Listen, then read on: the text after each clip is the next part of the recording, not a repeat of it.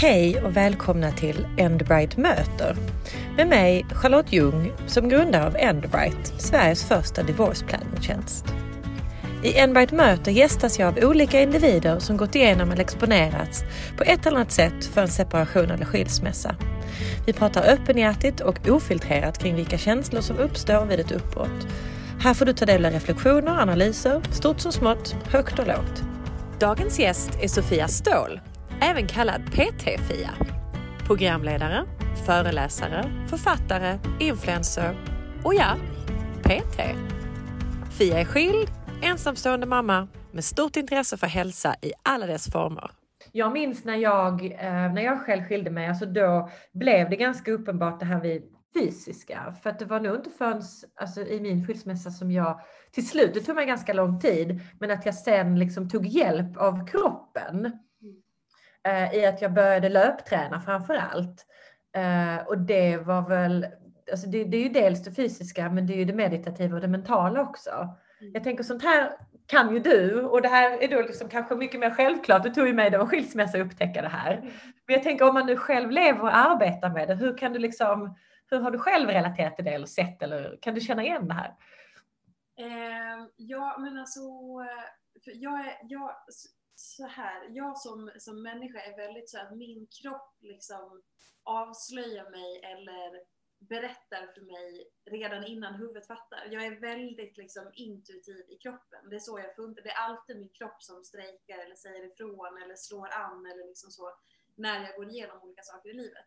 Eh, det, var, det var likadant när jag var au pair i USA när jag var 19 och mådde jättedåligt av massa olika anledningar. Det var samma sak när jag blev sjukskriven för utmattningsdepression. Och liksom, min kropp är alltid först med att här, snappa upp att så här är det någonting som inte stämmer. Eh, så jag kan inte, jag har försökt många gånger att lura kroppen och stänga av kroppen och bara nu skiter jag i det här, jag orkar inte, nej håll inte på liksom.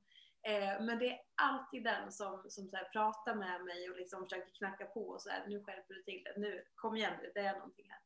Eh, så den så nu också, det är ju, alltså att gå igenom en skilsmässa skulle jag säga är något av de, alltså en crash course i personlig utveckling på alla sätt.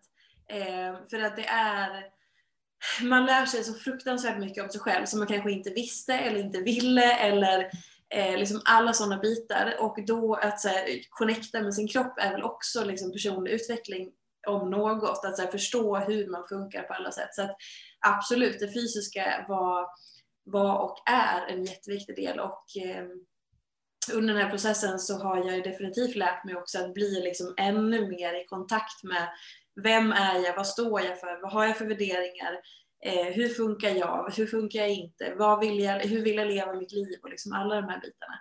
Eh, så att absolut, jag relaterar. Ja. Och du, det här det är ju supervettigt det här du säger. Um, du sätter verkligen huvudet på spiken i att en, en um, skilsmässa, framförallt med barn, det är ju personlig utveckling vare sig man vill eller ej, därför att man och många gånger är man inte ens beredd på sina, eller förberedd på sina egna reaktioner. Och det kan ju dels vara liksom reaktioner liksom extrovert eller ut mot situationen. Men och jag kan själv känna igen det här att man kan bli så paff själv över ens egna och det är ju säkert jag menar nu är vi båda mödrar så det är säkert modersinstinkter som, som kommer in där och spökar. Um, och oj vad det kan vara svårt att, mm. att hantera. Mm. Um, dels att försöka lägga band på sig själv utåt sett, liksom just det här extroverta, men att försöka oj, sen gå tillbaka till sig själv, att våga möta det. Exakt. Det är ju det är väldigt krävande. Det är oerhört krävande, verkligen. Och det, jag hela tiden, alltså jag började gå i, eh, jag började gå i terapi när jag, i och med eh, att jag gick in i väggen och blev sjukskriven för utmattningsdepression när jag var 24. Och sen jag var 24, nu fyller jag 33, så att det är snart 10 år där jag på något vis, näst, inte varje år, men nästan nästan alltid har varit liksom i någon form av terapi eller samtal eller haft någon coach eller någonting sånt Eh, vilket har gjort att jag jobbat väldigt mycket med mig själv för att lära känna mig själv och förstå mig själv de senaste tio åren. Och det kan jag säga Eh, är en nyckel till att jag och min exman eh, alltså han har ju sin del såklart, jag tar inte på mig hela ansvaret, men att jag har agerat som jag har gjort i den här skilsmässan är, jag är så tacksam för att jag har gjort min, den resan med de här med eh, just terapi och samtal och, och vara i den platsen med, i mig själv som jag är och var eh, när vi gick in i det här. För annars hade vi varit på en helt annan plats idag. Mm. Eh, och jag menar absolut inte att ge mig själv hela, hela äran för att jag tycker att vi är på en ganska bra plats. Men, men att jag känner att jag har gjort eh, att jag känner att jag har liksom varit på en bra plats i alla lägen. Även när det varit pissjobbigt så har jag kunnat zooma ut, försöka liksom sortera mina känslor, undvika att agera i effekt och liksom ändå tagit mig an det så väl som det går i en väldigt, väldigt svår situation. Ja, gud ja. Herregud, det förtjänar man en stor fett klapp på axeln för. Och det är vi lite dåliga på, att ge oss själva credit på just det här. Um, och det här jag brukar, när jag pratar med olika av våra medlemmar, det är rätt intressant, för då oftast go-to när någon står för en separation eller skilsmässa så tänker man väldigt mycket kring de juridiska bitarna när det gäller barnen. Uh, och det liksom kan ha med vårdnad eller umgänge att göra. Och sen är det Eh, och inte minst tyvärr för kvinnor så är ju det ekonomiska ett stort liksom, aber. Den är väldigt eh, känslig. Man är rädd för den, man är nervös, man känner sig dum, man känner sig skamfylld för att man inte tycker att man har haft bättre koll. Mm. Och sen sparar man alltid till sist välmåendet och kroppen. Mm. Och därför är det så intressant det här du säger att egentligen om något så borde man ju vända på det. Därför att, ehm, och jag kan känna igen mycket av det här du säger när man har haft sina, sina liksom tidiga käftsmällar i livet. Men alltså hur simpla är vi inte som människor egentligen där att vi försöker lura kroppen och snacka bort den biten när det egentligen är det enda viktiga, riktiga liksom, verktyget. För att annars så klarar man sig inte riktigt igenom de här andra bitarna heller, tänker jag. Exakt, verkligen. Det är så... Men hur, hur kan man bli vad ska man säga, hur kan man bli sämre på att lura sin kropp, tänker jag. För att jag, och igen, jag har nog varit väldigt bra på att lura min kropp. Ja. Um, och som du beskriver här, att du har nästan lyckats vända på det. Mm.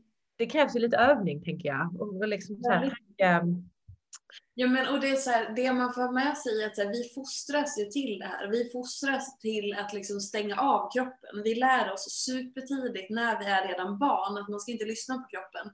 Man ska, lyssna, man ska ha blicken utåt hela tiden. Det är hela tiden prata om när det kommer till hälsa och välmående att så här, vi lär oss och fostras till och tränas i att vi ska anpassa oss efter alla andra, man ska bestämma sitt mående, man ska bestämma allting innan och man ska inte känna, för känna är någonting dåligt, någonting svagt, känna efter och hålla på liksom.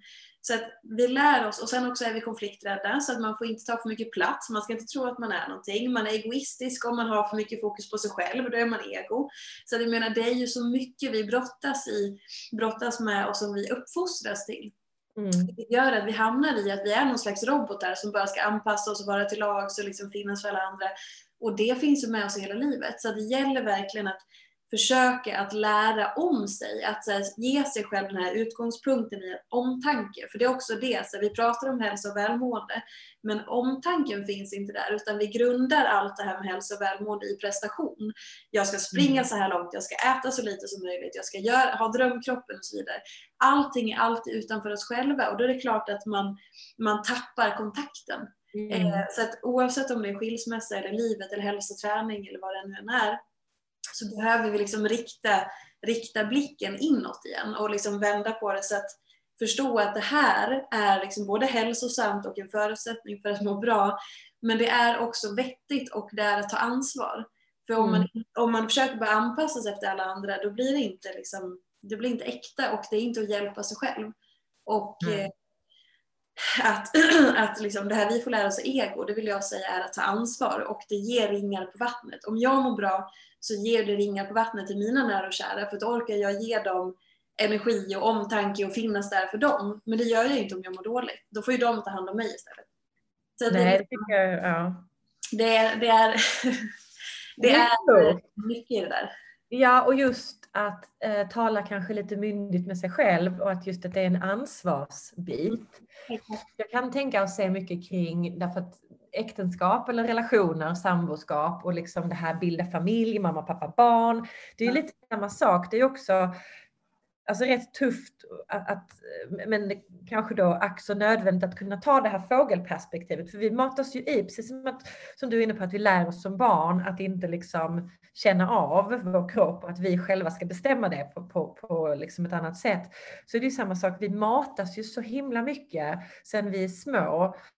Um, och det är ju det här, vi hade en annan Kristina Stele som var med på den, hon kallade det för Disney, vi Disney-sabbade. Ja. Därför att det ska liksom vara så som i de romantiska filmerna, en relation ska se ut så och sen så tittar man då liksom med, med fel öga så att säga på sociala medier så ska det kanaliseras ut en perfekt bild där också. Eh, det är så härligt uppfriskande att höra och se hur du är och hur du jobbar i dina kanaler där. Ehm, och jag menar alltså mer utav det därför att man, man vill ju också, man önskar ju ingen liksom att smällen ska behöva bli så hård. För förr eller senare så, så spricker ju de här bubblorna som, som finns, tyvärr. Ja, och det där är också så här, eh, för det, om man då också tänker i eh, här, relationer, just att man, man, vad ska jag säga, eh, jag, jag, jag, skrev ett inlägg för ett tag sedan om så här, hur jag känner för att vara 32 år gammal och skild och singel. Eh, och resonerade lite kring det. Och så här, det jag känner är liksom i mig är att jag är så ofantligt tacksam. Jag är tacksam över att vara 32 år och singel och känner att så här, jag har fått uppleva så ofantligt mycket. Jag fick ha mitt drömbröllop, jag har blivit friad till, jag har haft en jättefin kärlek med en och samma man i tio år. Vi fick ett barn tillsammans och eh, jag har liksom fått uppleva så himla mycket och jag har så himla mycket liv kvar eh, och ska få uppleva så mycket mer och då blir det som att så här, eh, att få vara i kontakt med det jag, mm. känner, jag kände enormt mycket sorg när jag gick igenom skilsmässan och alla sådana bitar. Men framförallt också en tacksamhet och en så tillit till att det är så här det ska vara. För min grund, alltså jag är, alltså att jag är på rätt plats. Alltså här, mitt liv ser ut så här och jag är precis där jag ska vara. Men också för att då kom jag i kontakt med många delar som jag hade kanske stängt av eller tappat kontakten med i att så här, jag som människa, min, inst liksom min bild av relationer är att det naturligaste som finns är att relationer tar slut. Det mm. finns, för mig är det inte ett misslyckande utan det är mm. bara det är så det är. Vilket mm. gör att jag går all in relationen med hull och hår. Men när jag känner att den inte lever längre, då kommer jag lämna den. Och det betyder inte att jag inte är dedikerad. Jag är otroligt dedikerad och alltså nu, alltså närvarande i den. Men jag har inte misslyckande aspekten när och om det tar slut. För att jag tycker att det är helt naturligt. Vilket gör att jag blir ganska så här, vad ska jag säga, som sagt, alltså gå igenom skilsmässa är det jobbigaste jag gjort. Mm. Så det tar inte bort alla de känslorna. Men min grundsyn på relationer är att det dels är ett val och att dels är det naturligt att de ibland tar slut. Så det, det, jag tror att jag är ganska befriad från det här att man känner att det är ett misslyckande eller nu har jag sett min framtid på det här sättet och herregud det blev inte så här. Och jag har liksom inga sådana förväntningar utan jag är i det 100% tills att man kanske inte kommer längre. Och då, ja. ja då tar man det då. Eh, och jag tror att, alltså, att apropå då att inte vara i den här formen, att så här mm. ska det vara, det måste vara så här. Eh, det gör nog jättemycket om man har bestämt sig att här, nu ska det vara på ett visst sätt eller så. Verkligen. Gud fattas, eh, eh alltså fattas, eh, fattas bara och också att kunna känna en tacksamhet till att det är på det viset. Mm. Um, och vad med, tänker jag, kan vi ge våra barn? Ja. Än att de ska kunna få känna det här och få känna den befrielsen. Och att vår generation går allt mer emot detta. Mm. Um, det om något, och det har jag också tänkt i, som du säger, jag tycker det är väldigt härligt att, att liksom precis som du är inne på, att liksom kunna gå in hull och hår och gå all in och att liksom leva det till fullo. Men att sen är vi människor och vi måste någonstans acceptera att det är så här det ser ut. Och att hellre kunna um, ge och visa det för våra barn. Och det minns jag att jag, jag reflekterade mycket över det just när jag gick igenom skilsmässan själv också. Att alternativet är ju så mycket sämre. Eh, alltså dels för min egen del, men man inser ju också när du har barn att då har du helt plötsligt någon annan du måste tänka på mm. och någon annan där liksom man ska kunna ge dem de här, vad ska man kalla det för, lite mer filosofiska värderingarna också. Och det kan man nog bara göra genom att visa och vara på ett visst sätt och, och att också som du säger, alltså det tar ju inte bort tårarna och det som gör ont. Men att också kanske lära dem att det är också en del utav livet. Um, ja, och, och att anamma det också. Ja, och lite också, alltså, för mig var det väldigt viktigt i den här processen att inte ta det för långt. För att jag har sett så många som, som håller ihop så länge så att de klarar inte ens av att vara i samma rum eller de, de hatar varandra eller de liksom man drar det så långt. Så att eh, för mig var det som, för att det var jag som tog beslutet i den här, vi var inte eniga utan det var mitt beslut. Och då eh, så, så var det för mig viktigt att man kommer till en punkt där att om, vi, om jag inte tar beslutet nu och att vi avslutar vår befintliga relation, då kommer vi liksom gå och förstöra på det som ska bli vår nya relation, mm. där vi är ett par. Och att eh, för mig var det så tydligt att så här, vi, jag kommer inte dra det här så här långt. Vi får hellre då avsluta lite för tidigt, vad vissa kanske mm. tycka, där vi fortfarande kan liksom hitta någonting nytt som är att vi kan odla vår nya relation än att mm. vi ska stanna kvar, försöka, försöka, försöka, försöka, försöka, försöka när man vet att nej men, vi, vi är färdiga. Eh, så att vi kan ha en ny relation som föräldrar tillsammans mm. och att den kan få växa istället. Så att mm. jag, jag skulle hellre liksom och allt det här är så himla tydligt för mig. Att alltså, jag är så dedikerad till en relation när den lever. Mm. Men när, och ibland så behöver man omform, omforma den eller omvandla den. Ja. Och för mig är det helt prestigelöst och bara så naturligt. Eh, vilket jag tror har hjälpt mig ganska mycket i, i alla de här bitarna. Men för jag ser, alltså det är just det här misslyckandet. Så det är fortfarande ja. urskiljelse. Det är fortfarande ja, men det är misslyckande. Man, man klarade inte av det. Och då blir jag också så här, klara av det. Jag kan klara av vad fan jag vill. Ja. Då bekostar, vad, vad är jag förlorar? Jo, glädje, alla de där tabuna tror jag att man här, börjar med att befria sig från dem. Verkligen. Och det du säger, det är också en sån sak och, och det, det försöker jag anamma även i vardagen, alltså när det kan gälla andra saker, just att så här slösa inte din och andras liksom tid och energi. Därför att, och igen, det kan ju låta hur klyschigt som helst, men alltså vi lever ju på lånad tid, vi vet ju inte. Alltså, sist jag kollade så är vi här och nu och då får man ju liksom, då är man ju dum om man inte passar på. Så kan jag försöka resonera. Um, jag tror också det här du säger att, och det tror jag är väldigt svårt för många att vad ska man säga, insikten kring att du faktiskt då går från en relation till en annan. Jag tror det är viktigt att försöka använda, vi försöker använda det språket också Mm. allt mer. Men, och, och, jag kan absolut, jag är den första till att erkänna att jag, jag, tror att liksom, jag önskar att jag hade haft det språket lite tidigare, att du går från en kärleksrelation till en föräldrarelation. Um, och då kan man liksom sätta orden på det och så kan man försöka lägga ner liksom de här föräldrapusselbitarna i den boxen istället och då är det nog troligtvis lättare uh, för just föräldrar att förhålla sig till. För att som du säger, risken är när det går för långt, då har man liksom stött ner det så pass mycket. Så då är det väldigt svårt att, att liksom använda de pusselbitarna in i den här liksom nya, nya boxen eller vad man ska, eh, vad man ska kalla det för. Mm. Um, och igen, jag tror om något, alltså barn har en sån otrolig intuition så att de känner ju och ser det här. Ibland är ju barnen så väldigt mycket klokare än vad vi är. Um, Verkligen. Så där, där, eh, där har vi lite att lära också. Ja. Och sen så tror jag verkligen, eh, alltså, man kan ju inte uppmuntra folk mer tror jag i att ta hjälp, alltså just att ta hjälpen att prata med någon och att gå, vad det nu än är som man, man liksom upplever funka. Det om något har ju varit stigmatiserat. Nu äntligen börjar ju det liksom någonstans släppa. För det, igen, har man rätt på det verktyget så kan man ta det vidare. Då kan man bekämpa de här andra stigmorna som finns kring att man, precis som du är inne på, att man misslyck, vad är misslyckandet i att en relation inte fungerade? Men jag förstår inte just hela den här när man, när man också pratar om så relationer som någonting man ska klara av. Redan, det, redan där så tycker jag att det dör. För det är så här, att klara av att bita ihop, det är, så här, men det är inte längre levande då. Och en relation ska väl vara levande för att det ska vara ett syfte att man ska vara i, dem, i min världsbild alltså.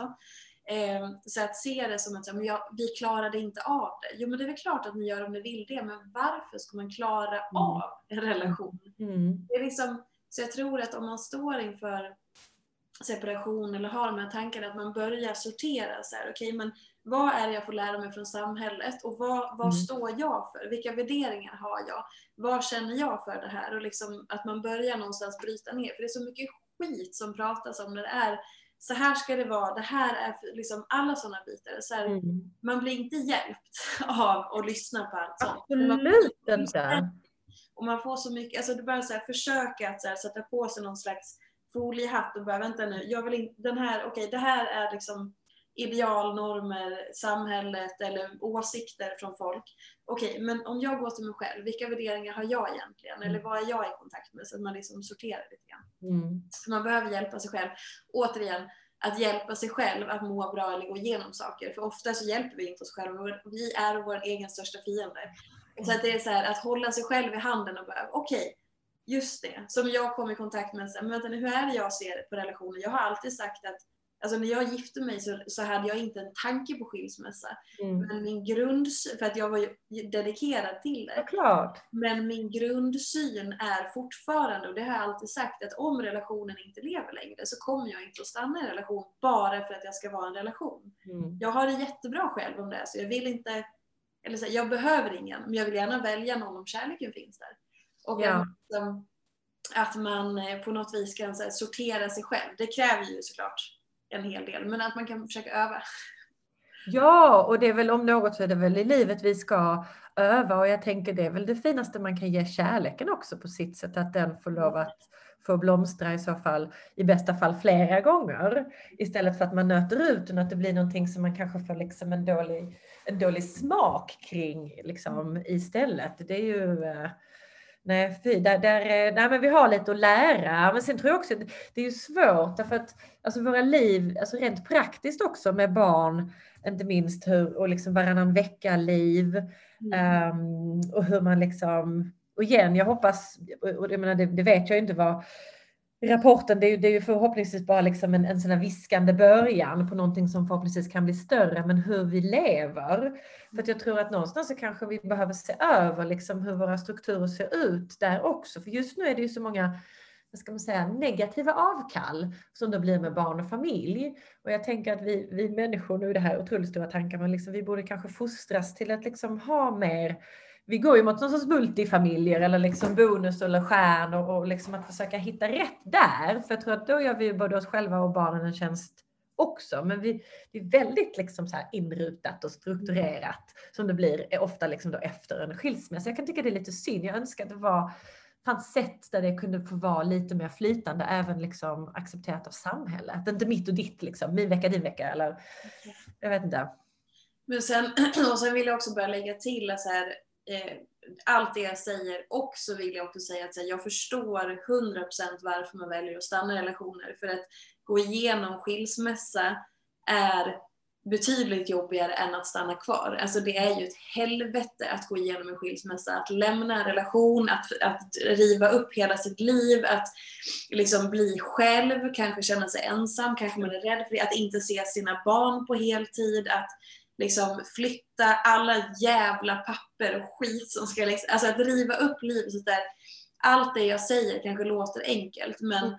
men det är fruktansvärt så att jag förstår 100% varför många väljer att stanna. Det vill jag bara ha sagt i att mm. så här, det jag säger är inte så här, oh det är bara att skilja sig. Nej, alltså det, det är vidrigt att skilja sig. Det är mm. fruktansvärt och jag förstår varför man väljer att då stanna i en trygghet och ett liv som redan är utformat istället för att gå, ta de där stegen och gå igenom allt det där pissjobbet. Ja. Nej, jag är helt enig. Det, det, är, um, det är helt fruktansvärt. Det, det är det. Jag kan också helt klart se varför många um, stannar kvar. Och sen är det, jag menar, någonstans för mig, för mig var det väldigt mycket sorg. Alltså det, det är en sorg över det som liksom hade kunnat bli eller det som då inte blev. Mm. Och sen så har jag liksom även med andra sorger man har haft i sitt liv. Och det är väl det livet också lär oss, att tids nog så, så jag minns jag hatade att höra det i början, att liksom, ja men tids nog, eller det kommer bli bättre, det kommer bli bättre. Um, och lite som du är inne på så här i efterhand, även nu när man pratar med människor så vill man inte heller liksom eh, banalisera det för att man, man liksom känner med det, förstår för människor som, som går igenom det där och då. Men också liksom förhoppningsvis kunna ge lite av den här trösten att ja, men det blir bättre. Alltså sen så blir det dippar. Det vill jag lägga till också. till också på det så här. Först den här delen och sen den här delen jag precis sa och sen den sista delen. Det är värt det. Eller hur? Och det är, alltså när man är ute genom det, så här. Om beslutet är förankrat hela vägen i hjärtat skulle jag säga.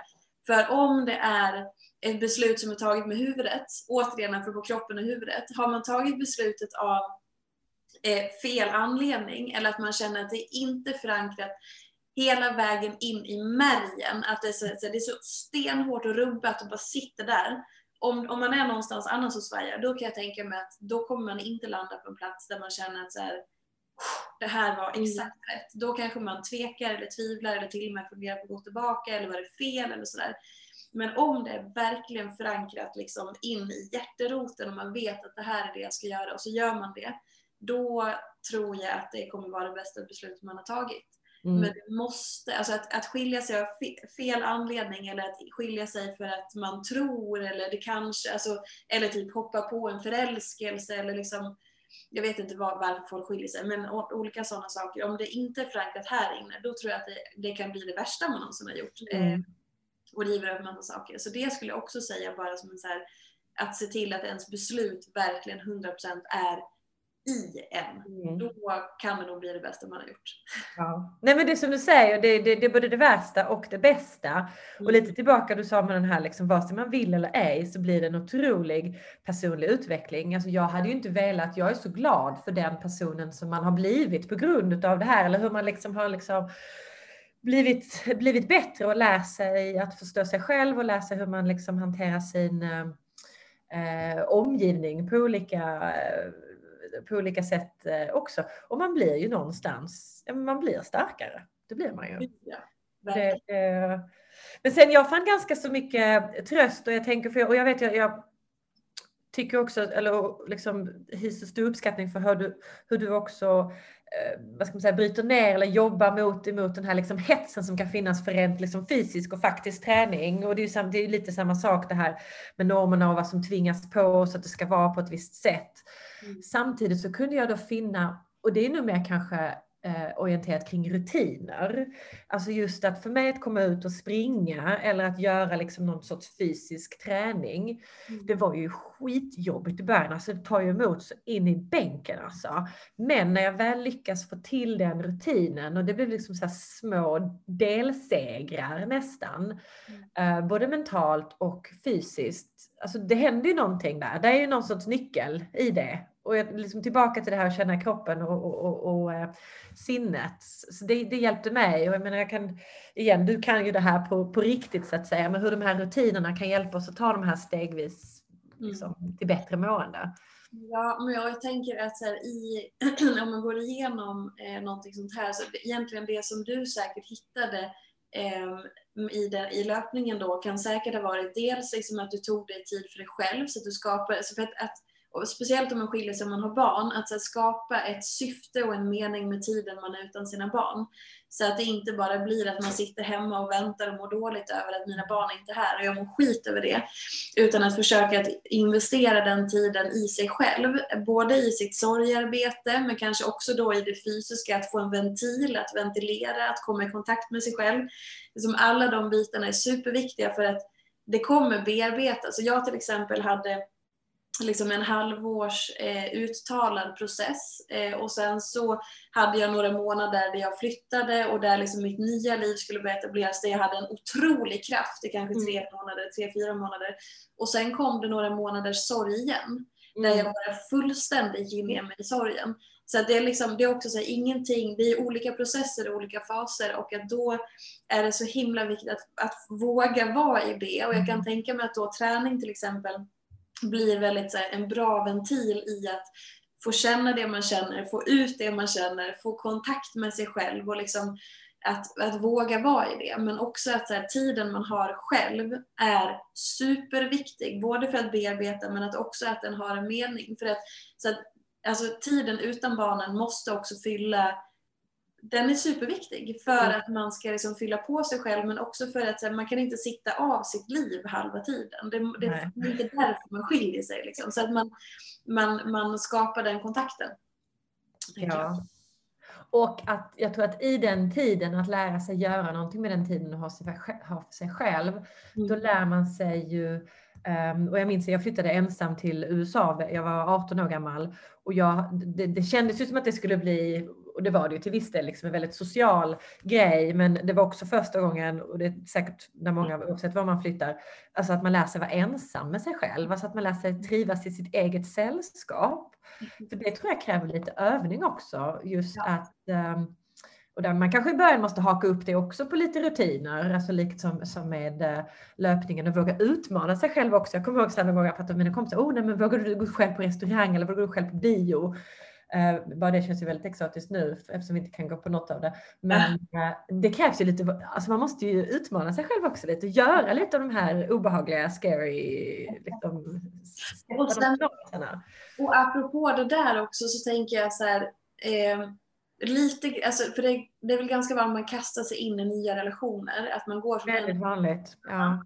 Och jag tänker, eller bara när man är ung och går in i en relation. Så man, så här, vi får ju lära oss, det är väldigt tydligt när man är singel, att man får lära sig att syftet med livet är att vara i en tvåsamhet. Och att singellivet är bara en passage till nästa relation. Ja. Och jag tänker att det är fruktansvärt viktigt att man bygger sin egen trygghet innan man går in i en relation, eller åtminstone innan man går in i nästa relation. Så man, så man inte känner just att alltså, tryggheten är min partner. Typ mm. Att jag känner mig halv utan dig. Ja men vet du vad, då har du ganska mycket jobb kvar att göra kan jag känna. Mm. Och likadant att så här, jag behöver inte en partner, men jag vill välja dig för att jag är kär i dig eller älskar dig eller så. Men just det här att behöva sig själv och att, mm. att skapa sin egen trygghet och inte kasta sig in i nytt bara för att du kommer inte hitta någon lycka och du kommer inte ta hand om nästa uppbrott eller nästa sorg eller så om du är beroende av en annan människa. För det är dig du ska, det här ska det vara tryggt. Mm. Eh, och att man ser det som en chans att så här, stärka sig själv också. Okej, okay, man kanske inte har valt en skilsmässa. Man kanske blir lämnad eller så här, det här hände mig. Men bra, nu måste jag, det är mitt ansvar att välja. Hur går jag vidare? Hur sörjer jag det här? Hur bearbetar jag? Och hur tar jag mig vidare? För jag har mitt liv. Mm. Eh, och att så här, den där tryggheten behöver vara inombords. Den, den kan inte vara i en partner. Men det är supervanligt att den är i en partner. Jag förstår det, för det är det vi får lära oss. Åh, oh, du ska bara in och sådär. Men att försöka se singellivet som man hamnar i, frivilligt eller ofrivilligt, som en, som en så här, ja, singel absolut, men det är sekundärt för att nu har jag tid för mig själv och det är här värdet sitter. Liksom. Verkligen. Det här behöver man prata så mycket mer om kan jag tycka, för att jag kan också bli, bli väldigt frustrerad över det och jag har levt eh, själv i ett antal år och, eh, och sen så, så, så, eh, förlorade jag faktiskt min, min pojkvän, han gick bort. Och det, det är lite fascinerande därför att folk förväntar sig att efter en viss tid, det är precis som att det är någon sån här, och det kan vara efter skilsmässa eller vad det nu än må vara, det är någon sån här bäst före-datum. Då ska man fan ta med och ha hittat någon ny. ja, och att det också, om, man, om man då är singel så är det inte längre frivilligt, utan så här, åh, har du inte blivit vald? Jag vet inte, men just det, det är det vi får lära oss på film. Verkligen. Också. Men, och, då, och då är det lite det man lär sig också, som att här, man ska bara hela tiden söka och leta efter någon annan. Eh, så det vill jag också säga, skilsmässa, crash course personlig utveckling och sen mm. tiden efter skilsmässa, ge dig en chans att liksom få vara med dig själv. Hej, vad har jag för relation till mig själv? Nu hade jag relation till den här människan, det, det blev inte längre av olika anledningar okej, hallå, hur är relationen här då? Mm. Och att det skapar ju för, sen råkar man bli kär och liksom människor kommer in, absolut, superhärligt. Men, men liksom just att här, inte liksom känna att jag måste bort ifrån att vara själv eller jag måste hitta någon, just också där, jag måste hitta någon. Ja.